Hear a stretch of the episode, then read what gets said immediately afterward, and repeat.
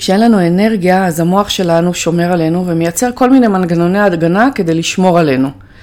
כי אם אין לנו אנרגיה ואנחנו רוצות עכשיו להוביל פרויקט למשל, זה יכול להוות ממש סכנה להישרדות שלנו, כי את האנרגיה הזאת שאין לנו, אנחנו ניקח מתהליכים אחרים, ניקח ממקום אחר, ואת האנרגיה שדרושה ללב לפעול, או למערכת העיכול להקל, או לשרירים להחזיק אותנו, כל האנרגיה הזאת תנווט לעשייה שלנו, וזה מתחיל להיות מסוכן. כי מה יעשה הגוף שחייב לשרוד כשאין לו אנרגיה?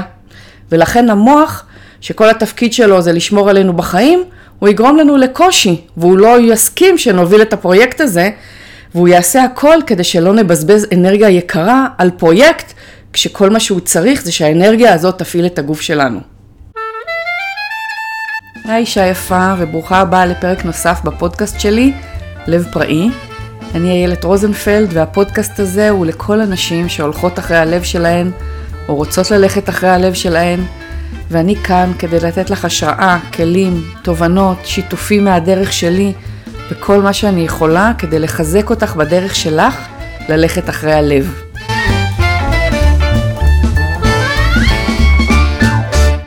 והיום אני רוצה לספר לך על מה אני הבנתי בדרך שלי כשחיפשתי את האנרגיה שלי, ועל ששת הממדים שאני גיליתי שהם אחראים על האנרגיה שלנו.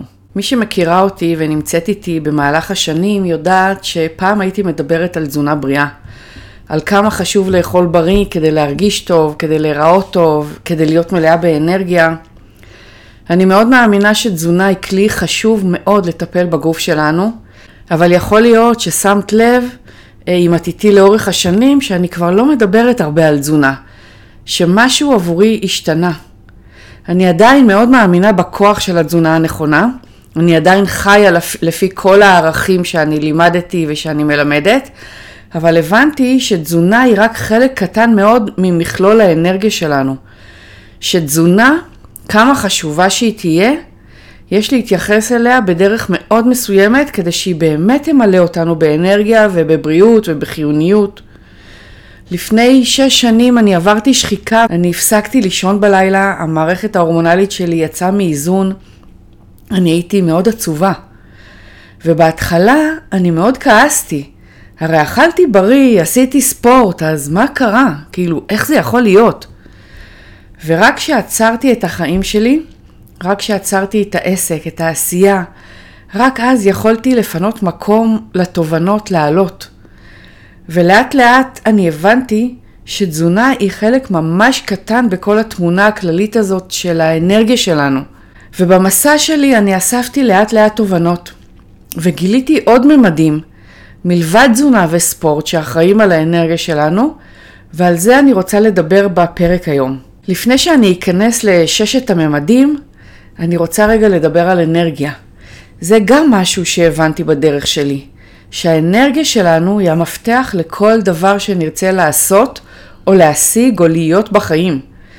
האנרגיה שלנו היא זו שקובעת את אופי היחסים שלנו עם אנשים אחרים, או את מצב הרוח שלנו, את ההצלחה שלנו, את העשייה שלנו, את הצמיחה שלנו, את האהבה שלנו, האושר שלנו, הכל. בלי אנרגיה אנחנו לא ממש נוכל לקדם דברים. בלי אנרגיה מכשיר חשמלי הרי לא יכול לפעול. בלי, בלי האנרגיה שמגיע מהדלק אז המטוס לא יוכל לטוס והחללית לא תוכל להמריא. אנרגיה היא הכוח המניע לכל דבר. האנרגיה היא זו שמאפשרת את, את התנועה והתנועה היא חיים. מבחינתי אנרגיה שווה ליצירתיות, כי אנחנו הכי יצירתיות כשאנחנו בהיי, נכון? אנרגיה שווה להצלחה, כי ברגע שנתרוקן מאנרגיה, העסק שלנו ידעך והקריירה שלנו תדעך, אנחנו פשוט נשחק. אנרגיה שווה תשוקה, כי ברגע שלא תהיה לנו אנרגיה לעשות, נתחיל לפעול מתוך הישרדות, נתחיל לפעול ממקום של צריך. לא ממקום של בא לי ואני עפה על עצמי ואני מלאה בתשוקה והחיים יפים. זה המקום היחידי שאנחנו רוצות לפעול ממנו, אבל בלי אנרגיה אנחנו לא, לא נפעל משם. אנרגיה שווה לבריאות, בריאות שזה ויטליות, כוח החיים. אדם מלא אנרגיה משדר בריאות. אדם חלש וחולה מרוקן מאנרגיה.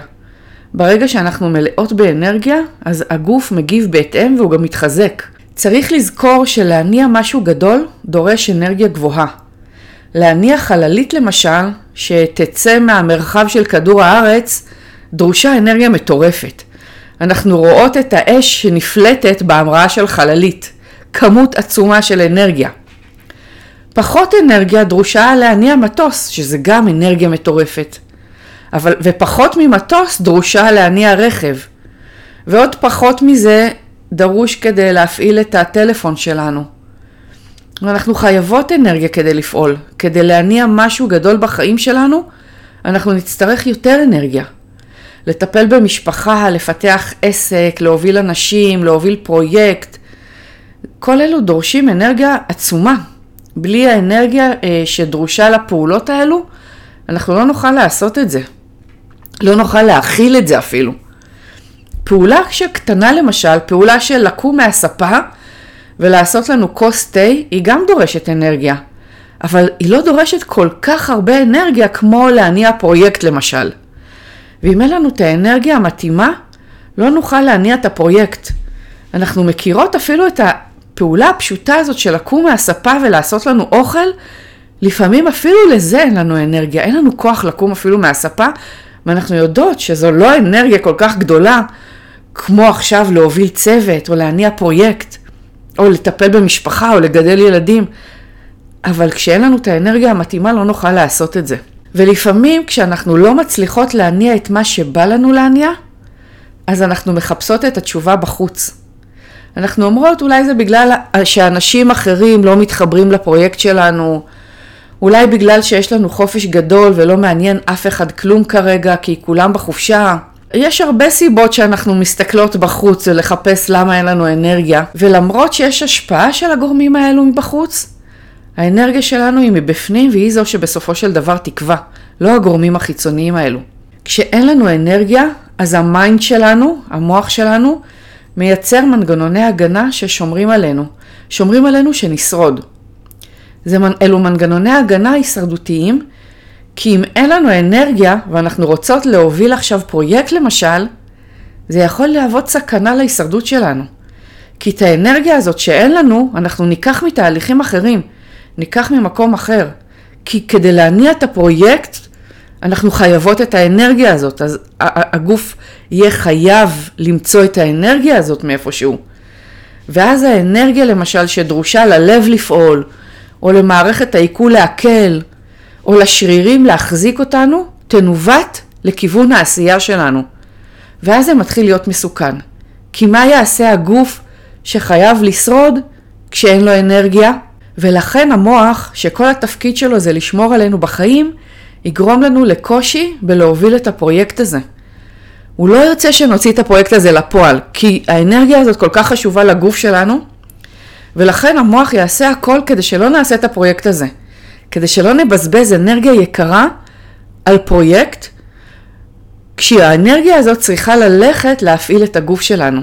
והמוח יעצור את אותנו בכל מיני שיטות מתוחכמות שיש לו. ואני מכירה את זה כל כך קרוב מעצמי. המוח יפריש קורטיזול שיגרום לנו לא לעשות דברים, שיעצור אותנו, יגרום לנו לכל מיני פחדים, קשיים, חוסר בהירות, blackout, דחיינות, חוסר בהירות, כל אלו הם רק מנגנוני הגנה. הרבה פעמים אנחנו חושבים שמשהו לא בסדר איתנו, שאנחנו בדחיינות, שאנחנו דוחים כל הזמן, אבל כל אלו זה רק מנגנוני הגנה, כי אין לנו את האנרגיה הדרושה, והגוף, המוח חייב לשמור את האנרגיה הזאת לתהליכים חשובים וחיוניים. בסוף שנת 2016 אני ישבתי לתכנן את שנת 2017, ואז אני הבנתי משהו מאוד משמעותי, ואני כתבתי את זה אז כפוסט בבלוג, בבלוג שלי, ואני רוצה להקריא את זה כאן. אז תזכ... תזכרי שאת הפוסט הזה כתבתי בסוף 2016, וכתבתי ככה: אתמול החלטתי לשבת ולתכנן את 2017, אבל משהו לא הסתדר לי. כמעט כל תחילת שנה אני חושבת על מה, מה בא לי שיקרה השנה. אני מציבה יעדים, מטרות, תוכניות, ויוצאת לדרך. אתמול כשישבתי להבין מה אני רוצה שיקרה השנה, כל מה שיכולתי לראות זה כלום. ריק, blackout, שום דבר לא עלה לי בראש. הרגשתי די מבולבלת, אני חייבת לציין. אני תמיד כל כך ברורה עם עצמי על מה בא לי שיקרה, שזה גרם לי לעצור ולהבין מה קרה כאן. התחלתי לשאול את עצמי, מה בא לך שיקרה בשנת 2017? מה את רוצה לעשות? עם מי את רוצה לעבוד? איזה ערך את רוצה לתת? מה את רוצה להרוויח?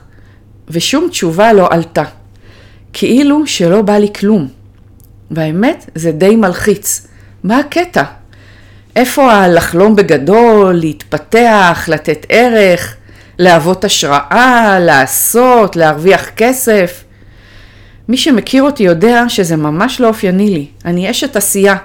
עשייה מודעת שמחוברת לעצמי. אבל, חייבת להיות, אבל אני חייבת להיות בעשייה כל הזמן.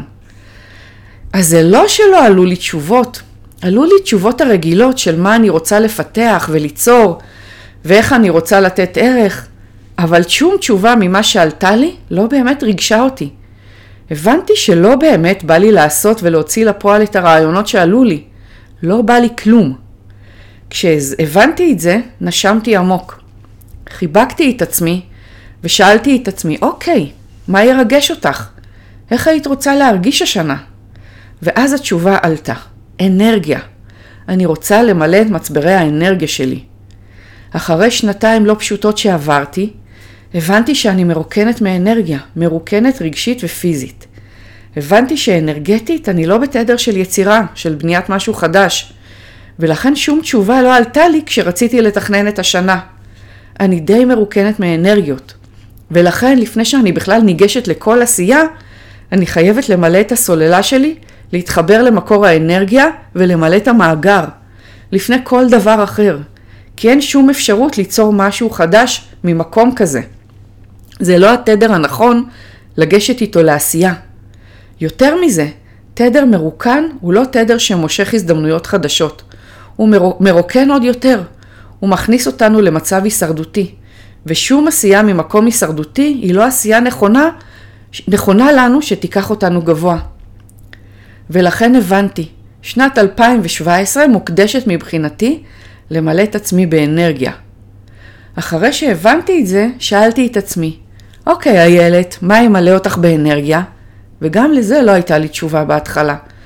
לנסוע לטייל, לקחת חופשה? לא ממש.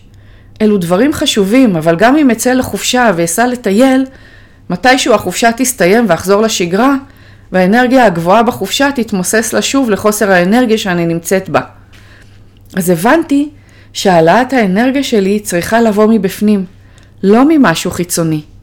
כשהבנתי את זה נפל לי אסימון ענק, ענק והחלטתי לצאת למסע שיחזיר לי את האנרגיה הפנימית. רק מעצם ההבנה הייתי כבר במקום אנרגטי חדש, והתמלאתי מרץ לכתוב לכם ולפגוש אנשים ולעשות דברים שכיף לי. ועוד דבר, אתמול, אחרי שסיפרתי לחבר, לחברים שלי על ההחלטה שלי ל-2017, חברה קרובה שאלה אותי, איך תדעי שמצאת אנרגיה? מה תרגישי כשתהיי שם? והתשובה שלי הייתה, אני ארגיש מאוהבת. הכוונה שלי היא לאו דווקא התאהבות רומנטית, אלא מאוהבת בחיים. רק עם התדר הזה של אהבה, אנחנו רוצות לצאת לעשייה שלנו. אז זה מה שכתבתי בסוף 2016, ומאז אני יצאתי למסע. ובאותו היום שכתבתי את הפוסט הזה והחלטתי להתמקד באנרגיה שלי, היקום הראה לי כנראה שאני בדרך הנכונה. והמצבר של הרכב שלי שווק חיים. הרכב שלי כאילו החליט גם הוא שהוא רוצה להזדהות איתי, והוא ביקש מצבר חדש, וזה היה מטורף.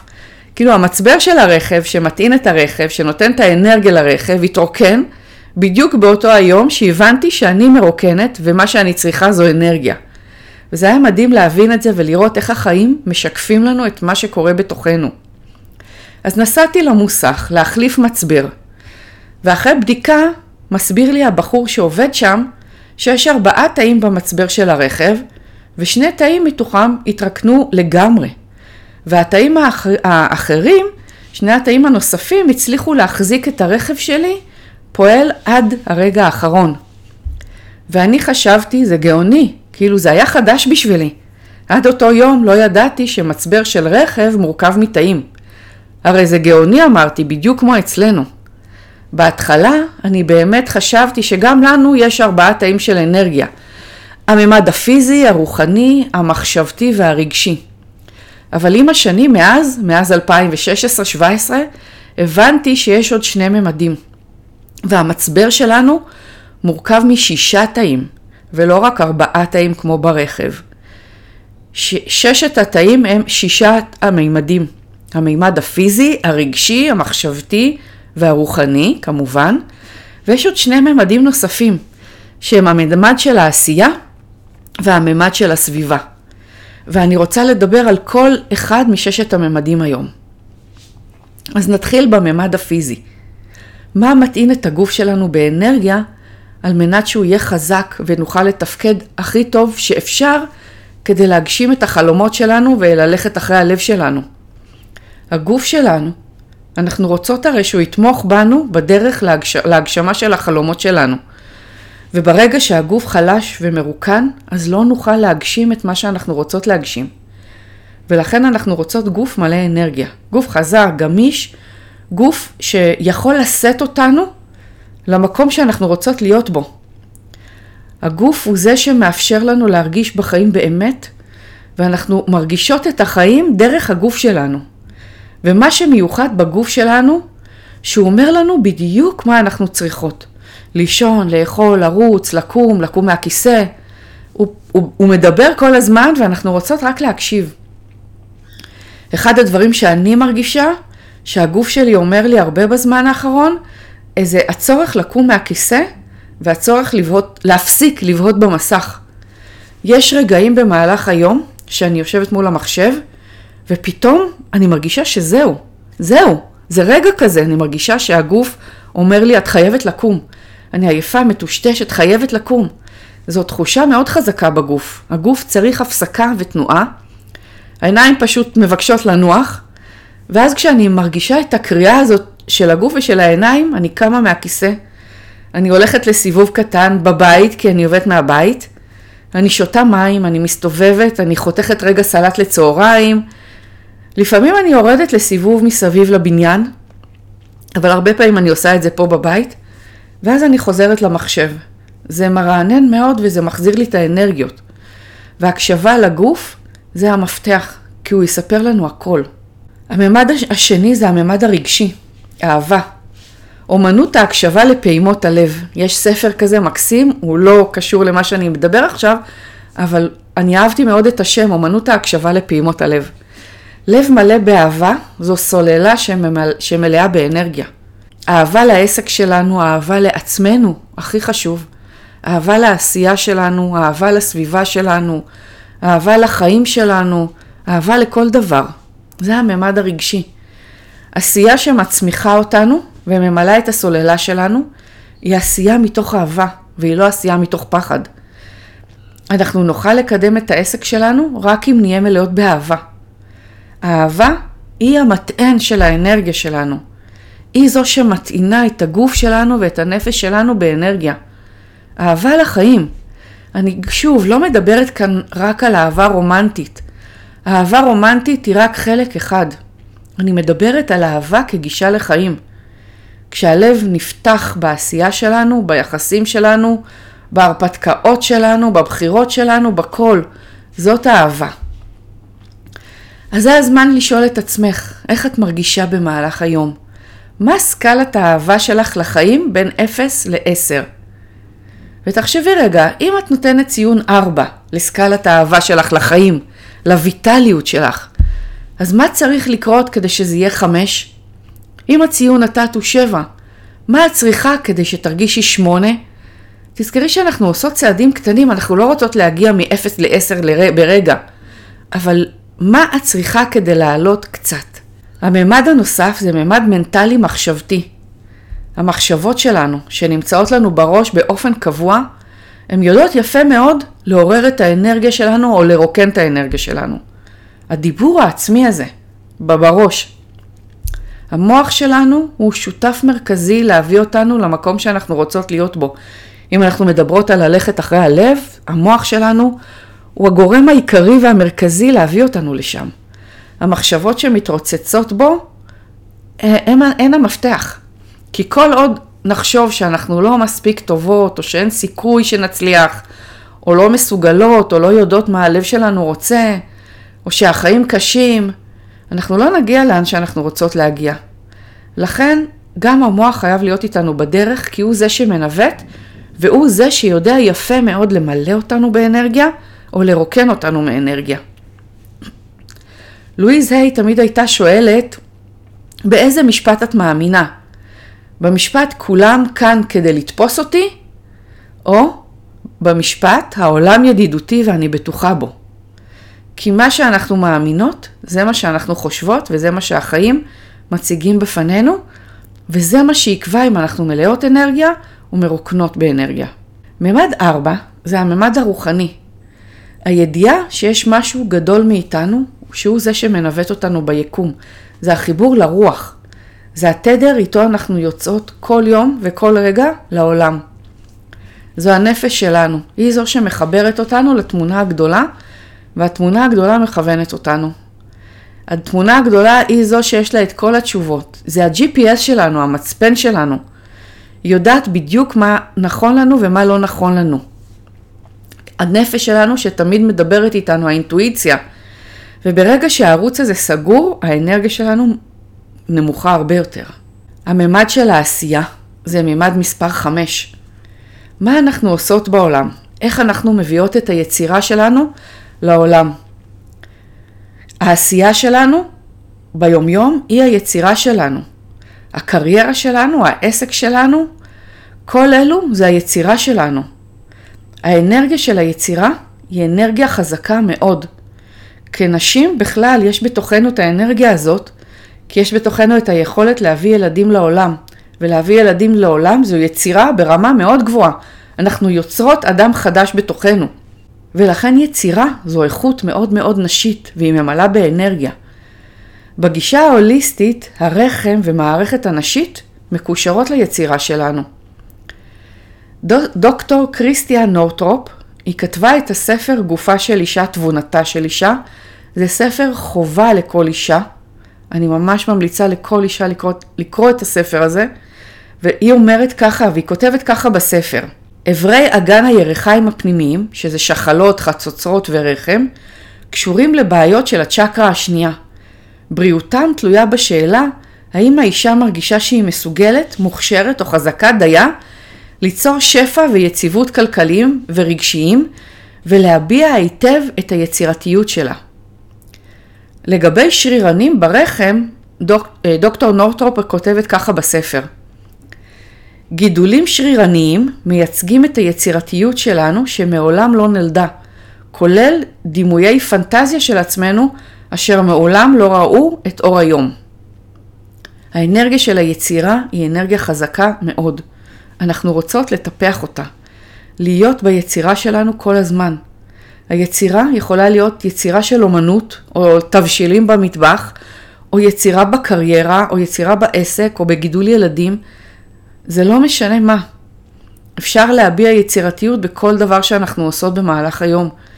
יצירתיות היא נקודת המבט שלנו על אותה סיטואציה. היא הדרך שלנו להיות אנחנו. זו האותנטיות שלנו, זה היצירתיות שלנו. אז מאוד מאוד חשוב להטעין את ערוץ האנרגיה הזה, הזו, ערוץ האנרגיה הזה של היצירה. והממד האחרון, ממד מספר 6 של האנרגיה שלנו, זו הסביבה שלנו. איך אנחנו חיות בהרמוניה עם הסביבה שלנו. והממד של הסביבה מחולק, מחולק לשלושה חלקים. יש את הסביבה האנושית, שזה אומר האנשים שמקיפים אותנו, הסביבה הפיזית, הבית, המשרד, האוטו שלנו, חדר העבודה שלנו, והחלק השלישי זה הכסף, ההכנסה שלנו. הסביבה שלנו משפיעה מאוד על האנרגיה שלנו. מבחינת הבית, המשרד, האוטו, החדר עבודה, אז יש תורה שלמה שנקראת, שנקראת פנק שווי, שמדברת על ארגון הבית והסביבה בדרך שממלאה אותנו באנרגיה. אבל גם אם לא ניכנס לעקרונות של הפנק שווי, אנחנו כולנו יודעות שהסביבה הפיזית משרה עלינו שלווה, או סטרס. הסביבה יכולה למלא אותנו באנרגיה או לרוקן אותנו מאנרגיה. היא משפיעה מאוד על האנרגיה שלנו. אז חשוב שנשים לב איך אנחנו בסביבה שלנו, האם הסביבה ממלאה או מרוקנת. מבחינת האנשים, האנשים שבחיים שלנו, גם הם או ממלאים אותנו באנרגיה או מרוקנים אותנו מאנרגיה. וכשאני מדברת על האנשים שבחיים שלנו, לאו דווקא הם חייבים להיות אלו שאנחנו חיים איתם או נפגשים איתם פיזית. אלו גם האנשים שעולים לנו בפיד ברשתות החברתיות, ואנחנו רואות כל מה שהם עושים ואומרים בפייסבוק או באינסטגרם. אלו גם האנשים שנמצאים בקבוצות של הוואטסאפ שלנו, כל הקבוצות וואטסאפ של החברים, משפחה, בתי ספר, גנים, שיכולים ממש או לרוקן אותנו או למלא אותנו. לפעמים אנחנו רוצות שקט ולהיות עם עצמנו ולמלא את המצברים שלנו עם עצמנו, ולפעמים אנחנו צריכות אנשים, צריכות להיות בסביבה של אנשים, צריכות את האנרגיה שלהם. יש כל מיני תקופות בחיים שלנו, וחשוב להיות מודעת ולאפשר לעצמנו את מה שממלא אותנו. במהלך הרבה שנים אני הרגשתי שאני צריכה שקט ולבד, ואפילו הייתי נוסעת לבד לחופשות. אבל לאחרונה הילדים שלי עזבו את הבית, הם גדלו, הם יצאו לחיים עצמאיים, ואני מוצאת את עצמי הרבה שעות עם עצמי, ופתאום אני מרגישה שלהיות לבד הרבה זמן מרוקן אותי. ואני כן רוצה היום יותר משפחה ויותר להיפגש עם חברים, וזה מה שדרוש לי היום כדי למלא את המצברים שלי. אז הסוד זה להיות קשובה, להיכנס פנימה ולהבין מה נכון לך. וכסף, שזה החלק השלישי בממד של הסביבה, שהוא נושא מאוד מאוד טעון, אבל יש לו השפעה עצומה על האנרגיה שלנו. כסף מקושר לצ'קרה הראשונה, שמדברת על תחושת ביטחון. ולמרות שהיום אני לא נכנסת עמוק להשפעה של הכסף על האנרגיה שלנו, חשוב להבין מה התפקיד של הכסף, לשים לב איך הוא משפיע על האנרגיה שלך, מה את יכולה לעשות בנידון, האם הוא ממלא אותך באנרגיה, האם הוא מרקן אותך באנרגיה, מה יש שם ומה את צריכה בכל זה. אז אלו היו ששת הממדים שמשפיעים על האנרגיה שלנו, הממד הפיזי, שזה הגוף, הממד של המוח, ה mind, המחשבתי, הלב שלנו, שזה הרגש, הרוח, העשייה שלנו והסביבה שלנו, שמתייחסת לאנשים, כסף ובית. עוד מעט גם מגיעה תקופת החגים, ושם, למרות שזו תקופה שאנחנו מוקפים בדרך כלל במשפחה ובאנשים שקרובים לנו, היא יכולה להיות מצד אחד ממלאה באנרגיה ומצד שני היא יכולה להיות מרוקנת. וחשוב שנדע לשמור על האנרגיה שלנו בחגים, ועל זה אני מתכוונת לדבר בפעם הבאה. אז עד הפעם הבאה, חיבוק, ואני מאחלת לך ימים מלאי אנרגיה.